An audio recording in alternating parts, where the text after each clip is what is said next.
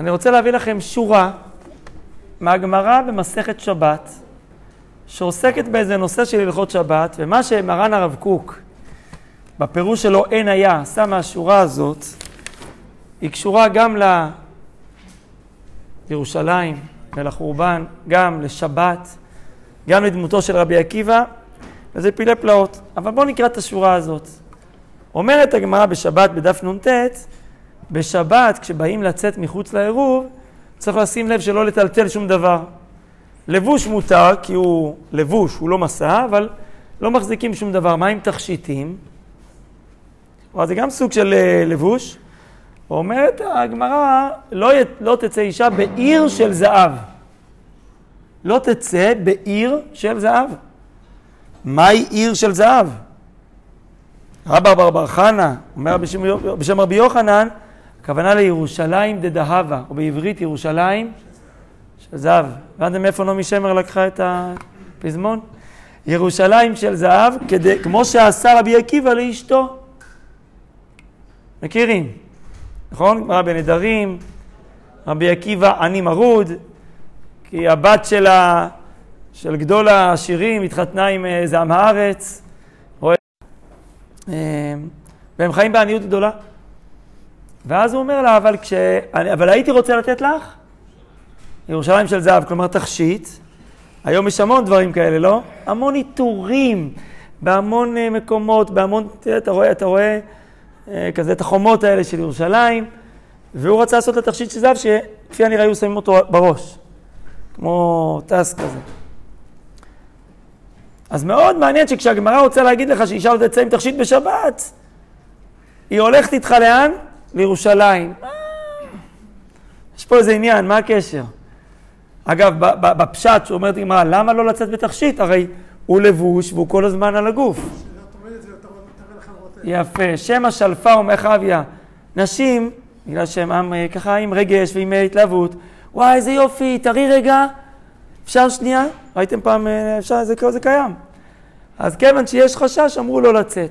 וואה, אז בגלל חשש כזה, לא תצא עם תכשיטים. אז ביום השבת, ביום, תחשבו מה המשמעות הרגשית לנשים, שביום היפה הזה, יום שבת, יום שבו אתה יוצא הכי יפה. היא יכולה להתלבש יפה, אבל, אה, אבל, אבל היא לא יכולה להתקשט. יכולה, לא לרשות. בבית היא יכולה להיות מקושטת ומתוכשתת. במצבנו היום יש... היום יש עירוב, אבל, אבל יש פה אמירה. עכשיו תראו לאן הרב קוק לוקח את זה, אני חושב שזו פסקה מקסימה.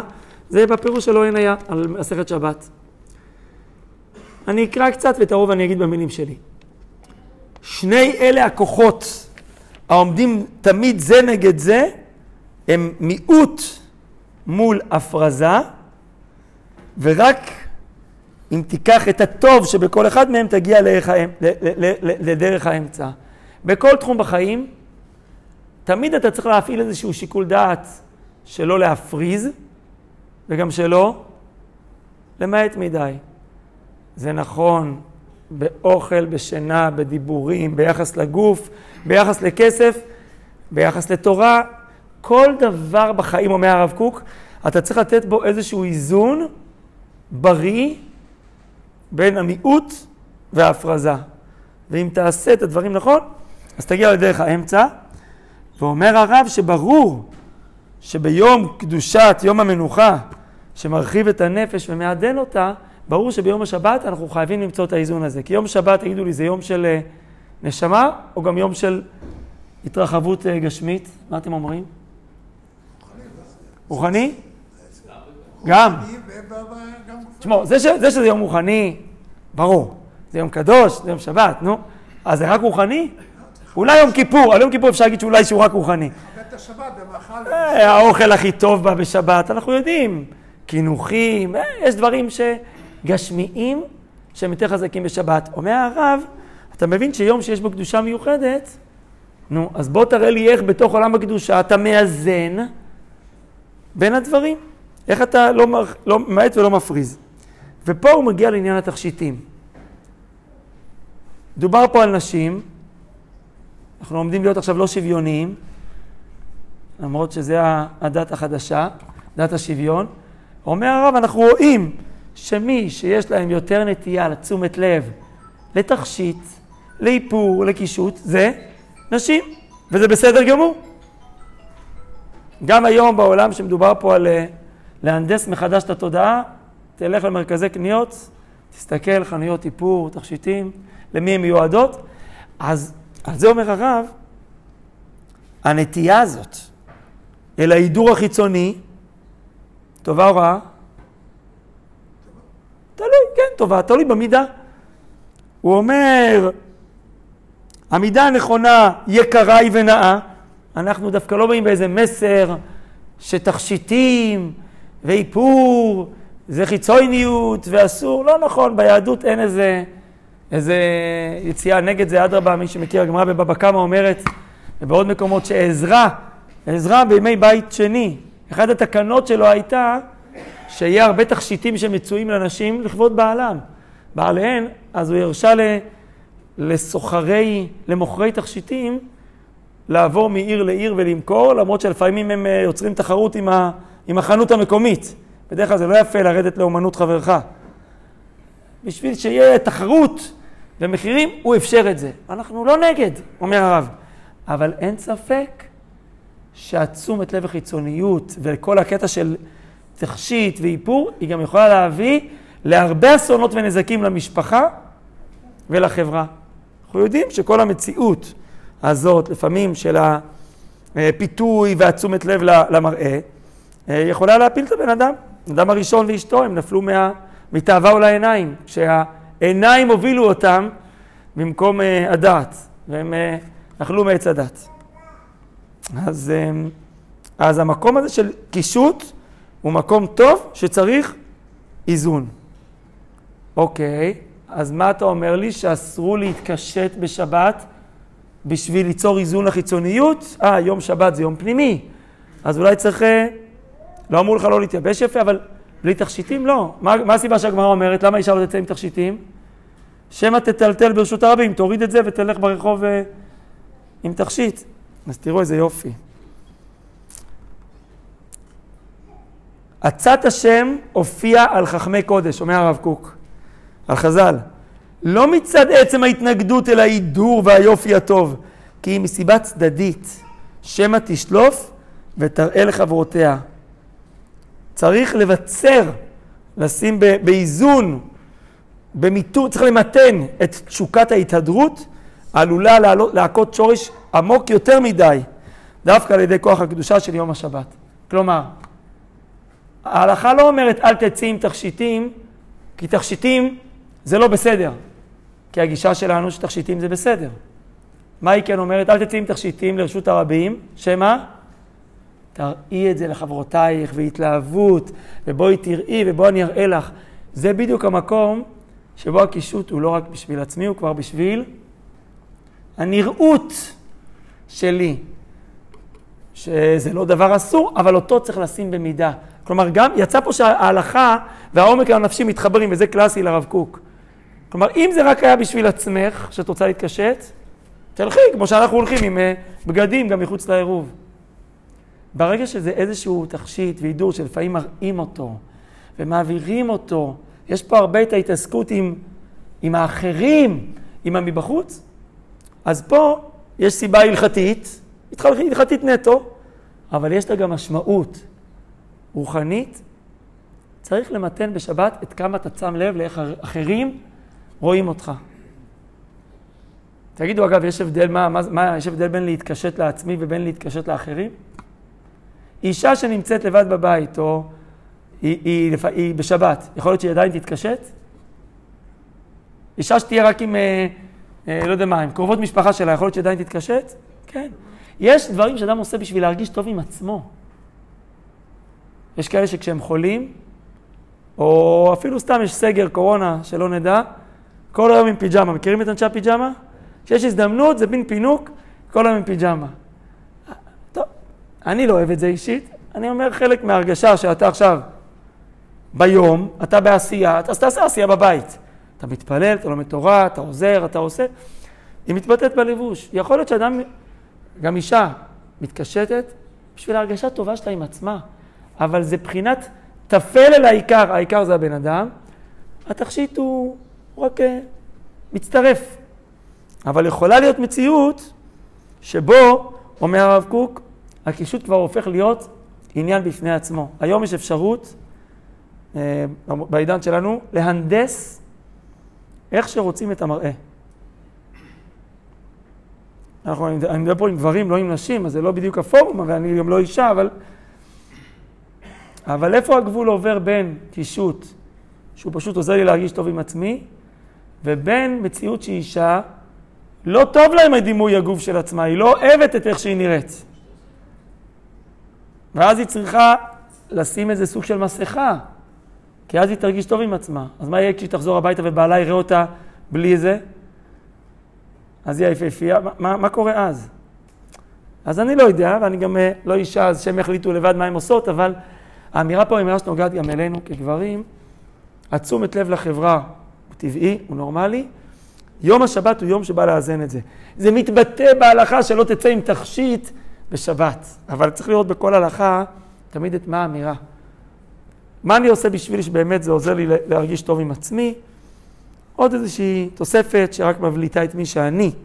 ומה כבר יוצר סוג של, הפכתי את הקישוט לעניין בפני עצמו. עכשיו, למה אם אתה רוצה להגיד את ההלכה הזאת, אתה הולך לי אל רבי עקיבא בירושלים של זהב? דווקא זה הדוגמה שאתה מביא, שזה אדם קדוש כזה, שעשה תכשיט כל כך יפה, רוחני. אז כמובן הרב קוק מסביר תמיד באגדות חז"ל כמעט כל מילה ומילה, והוא אומר, אפילו בדברים שמיוסדים על יסוד קדוש, כמו תכשיט, שאתה לא יכול למצוא משהו יותר אה, ערכי. תכשיט יותר ערכי ומשמעותי מלשים תכשיט של ירושלים. הרי זה בדיוק מבטא את השאיפה אל השלמות ואל הקודש. היום אגב גם כן, הרבה פעמים אנשים בתכשיטים שלהם מבטאים, מבטאים קצת את הערכים שלהם, נכון? מגן דוד, בדתות אחרות שמים את הצורות שלהם, שהם לא שלנו, אנחנו לא... יש את זה, נכון? ובאמת, זה סוג שמבטא לפעמים הזדהות או ישראליות.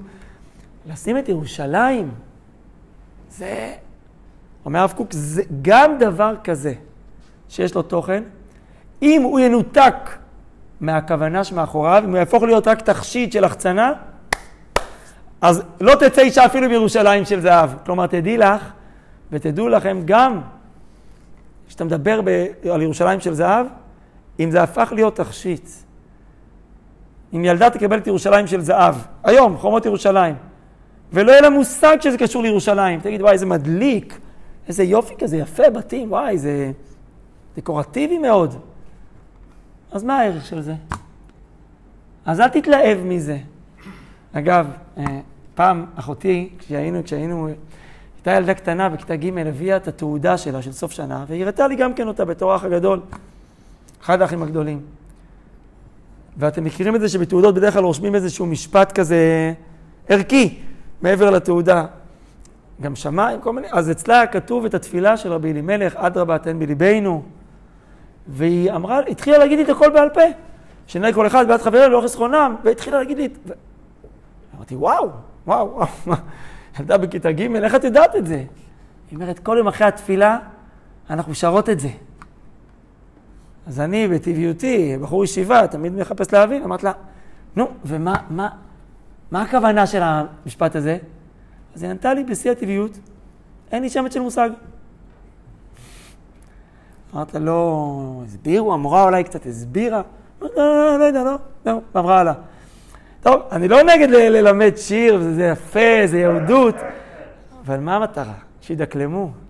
אנחנו רוצים שיבינו, זה הנושא של היחס לשני, צלם אלוהים, לא יודע, משהו.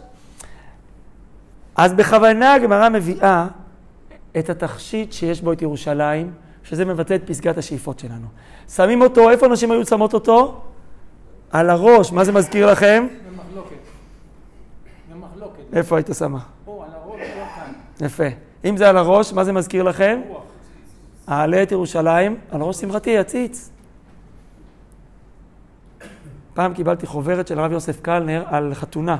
יש לו הסברים קטנים על החופה.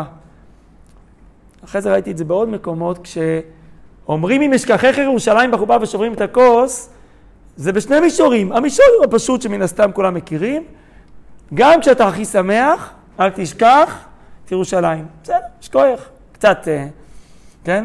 זה, זה אגב מתאים לשיטתם של אלה שלא אוהבים את זה ששוברים את הכוס וכולם אומרים מזל טוב, מזל טוב. מה, מה, מה, מה, עכשיו אתה לא אמור לשמוח. אבל מה, מה מנהג ישראל שכן שמחים? הרב קלנר אומר, מה זה אם לא אעלה את ירושלים על ראש שמחתי? לא הכוונה בשיא השמחה תהיה קצת בבאסה. בוא, בוא, בוא. לא, לא, נכניס לך כזה איזה סיכה לבלון. על ראש שמחתי זה מה ראש החץ, מה ראש זה, זה, זה מטרה. מה מטרת שמחתי? אתה מקים פה בית, אתה עושה איזשהו אירוע, למה? זה מחובר לאידיאל הירושלמי. בסוף אתה, יש לך את השמחה הפרטית שלך וזה בסדר. אבל יהודי לא נשאר אף פעם רק עם עצמו, הוא הרבה יותר מזה. אני בונה בית, אני משאיר רמה על המה, כי הבית שלי הוא אמור להיות חלק מבית גדול יותר. אני מתחתן, אני יודע שהבית הזה, בעזרת השם, יביא עוד ברכה לעם ישראל, ובעזרת השם, שעוד בורג קטן במערכת הגדולה ייבנה. אז על ראש שמחתי זה לא לקלקל את השמחה, זה לכוון אותה, לדייק אותה, לתת לה משמעות. איזה תכשיט, לשים את ירושלים במרכז, מה? זה גם יפה. יש גם גברים שהולכים, אני לא כל כך עם תכשיטים וזה לגברים, אבל מגן דוד זה גם יפה. אז למרות כל התוכן המרומם של ירושלים של זהב, צריך להיזהר גם שמה, אם זה בא ממקום פנימי או ממקום חיצוני. תאמינו לי, אפשר לקחת היום בעידן השיווק, הפרסום, שזה תמיד שם הדבר, פרסמת, עשית, לא פרסמת, לא עשית. אתה יכול לקחת כל דבר, אפילו אידיאל, ולהשאיר אותו רק בחיצון. אפילו את בניין בית המקדש, אני יכול עכשיו לשווק לכם את זה בתור איזה תוכנית, שאתה תגיד, אתה יודע, שיהיה בה את כל האפליקציות ולא יהיה בה תוכן. אז יש פה, יש פה דגש שהוא בא יחד עם שבת. עכשיו בואו נדבר על רבי עקיבא, לא רק שזה תכשיט מאוד ערכי, אלא מי, מי המציא אותו, נקרא לזה. לא יודע אם המציא, אבל מי ידוע בש"ס כמי שמייצג אותו? רבי עקיבא. אומר הרב קוק, מי זה רבי עקיבא? האדם הכי פנימי בעולם. האדם שאם אתה, יש מישהו שאתה לא חושד באיזה החצנה, באיזה מבט שטחי, זה רבי עקיבא ואשתו. אשתו שמתחתנת איתו, למה? למה למה הארץ כזה, מה? מה כתוב בגמרא? צנוע ומעולה. היא אמרה, זה מידות טובות, אני יודעת זה, אז הוא לא, אין לו את התארים, הוא לא בן של איזה רב או איזה מפורסם או עשיר, אבל מה זה משנה? אני רואה מי זה, והיא צדקה. היא צדקה יותר מכולם.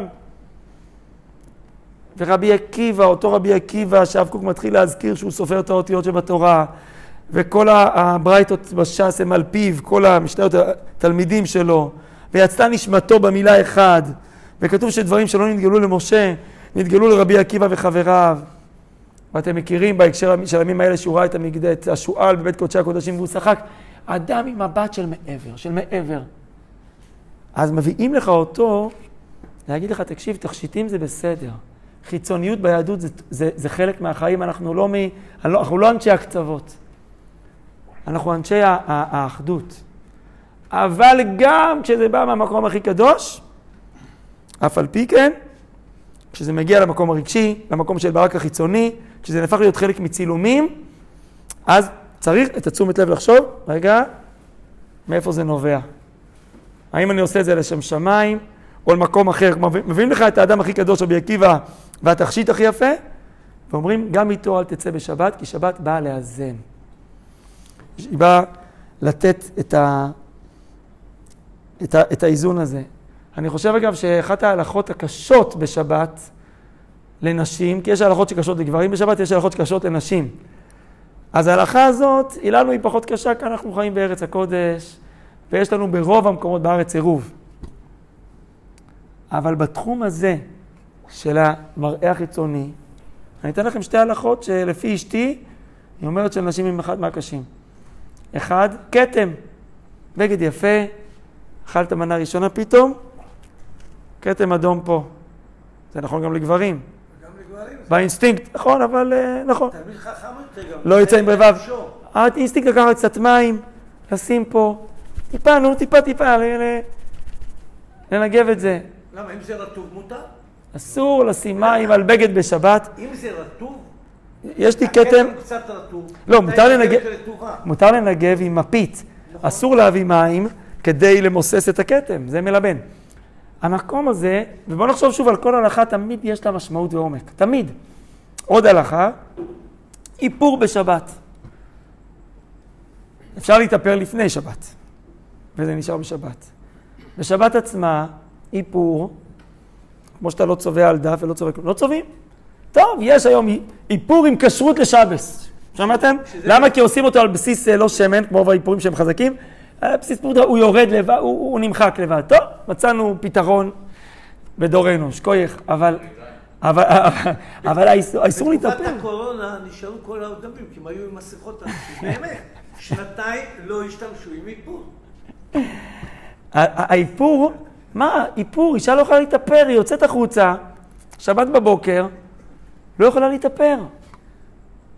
מה זה שבת? זה יום שמסתכל פנימה, זה ברור. זה, יש שש קצוות למציאות, והשבע זה נקודת התוך, האמצע. שבת היא לא היום האחרון, היא מבחינה מסוימת היא האמצע של השבוע, שלושה ימים לפניה, שלושה ימים לאחריה. ביום הזה, אתה יפה כמו שאתה, ואת יפה כמו שאת, ואת צריכה להכיר את זה ולקבל את זה. והלוואי שכל הנערות היום ישמעו את זה, שמפמפמים להם את המוח שאם את לא רזה ואת לא זה, ואחרי זה יש אנורקסיה, אתם מכירים את הבעיות האלה? יש היום כבר uh, תנועה נגד זה. יש תנועה חברתית שאתם הורסים את הבנות שלנו. אתם מכניסים להם לראש שהיא צריכה להיות זה, ויש כאלה שלוקחות את זה מסיבות מסוימות לקצה. את יפה כמו שאת. אתה יפה כמו שאתה, ויש כתם, אנחנו לא בעד כתמים. אבל יום אחד נקבל כמו שזה, נחליף חולצה אם יש, ואם לא, אנחנו רגע נקבל את הדברים כפי שהם, כי מסתכלים קצת יותר פנימה. וזה האיזון המיוחד של, של יום השבת. נדמה לי שהימים האלה, תשעת הימים, הם לא נועדו סתם לאמלל אותנו, אל תאכל בשר ואל תלך לבריכה, הם נועדו בעיקר להגיד, בואו נסתכל פנימה. שאיפה למקדש היא בשום צורה שהיא לא אה, שאיפה נדל"נית, לבנות איזה מבנה במקום אה, כיפת הזהב וזהו. זו שאיפה למקום שמאחד את כולנו, למקום שבו אתה באמת יכול לחזור להיות עצמך, לפגוש את השכינה, שממנו תצא קריאה לכל העולם של אחדות, של מרכז שממנו מתאגדים. חיים פנימיים. אחת המתנות הגדולות לדעתי, שאני מרגיש של, של היהדות, שהיא נותנת לאדם, בעידן שלנו היום עם כל ההחצנה שבעולם, להיות אדם פנימי. לשאוף להיות אדם פנימי. ומבחינה מסוימת, דווקא בגלל שהיום אפשר להנדס את היופי, יש לי חבר שנעשה, ידיד שנעשה מיליונר, בזכות אפליקציה שהוא פיתח, שאתה יכול לשים לעצמך תמונת סטטוס הכי יפה שאתה רוצה. אתה מתחיל מתמונה שלך, והוא ישפר לך אותה, אתה תיראה דוגמן. דווקא בגלל שכבר אתה רואה מישהו ואתה לא יודע אם זה הוא. ומה שאתם רואים אגב בסרטים, תראו אותו ברחוב, הוא לא נראה אותו דבר בדיוק. הוא עבר שינוי. דווקא האפשרות, לדעתי, להנדס, היא, היא, היא, היא טובה לנו. כי היא אומרת, אני מבין כבר שאני לא יכול להתעלות בזה. זה לא אומר. זה כבר נזיל, זה כבר, זה כבר מציאות מדומה. אז זה מחזיר אותי למקום של, של, של, של הפנימי, ותראו את הפסוק שהרב מסיים פה. הרב קוק יש לו שיטה לסיים פסקאות שלו לפעמים בפסוק, בלי להסביר את הפסוק. אבל הכוונה שלו זה שאם תעמיק רגע בכל הפסקה שלמדנו, תקרא מחדש את הפסוק ותבין אותו. הוא מביא פסוקים ממזמור שיר ליום השבת, שאני בתור שיעורי בית מבקש מכם לחשוב פעם אחת, מה הקשר בין המזמור תהילים הזה, צדיק ב', שאומרים בליל שבת ובשבת בבוקר, ובין יום השבת. חוץ מזה שכתוב בהתחלה מזמור של יום השבת. טוב להודות לשם, צדיק את אמר יפרח. מעניין. פעם, פעם, פעם דיברנו על זה. לענייננו פה, הרב קוק מזכיר מה כתוב במזמור הזה. טוב להודות להשם. מה גדלו מעשיך השם, מאוד עמקו מחשבותיך. מי יכול להתעמק במה שהבריאה מייצגת, ולא רק לראות אותה? איש בער לא ידע, וכסי לא יבין את זאת. אדם שטחי לא יבין מה, מה אנחנו מדברים. יום השבת זה יום שצריך, שיוצאים מהבערות ומסתכלים פנימה.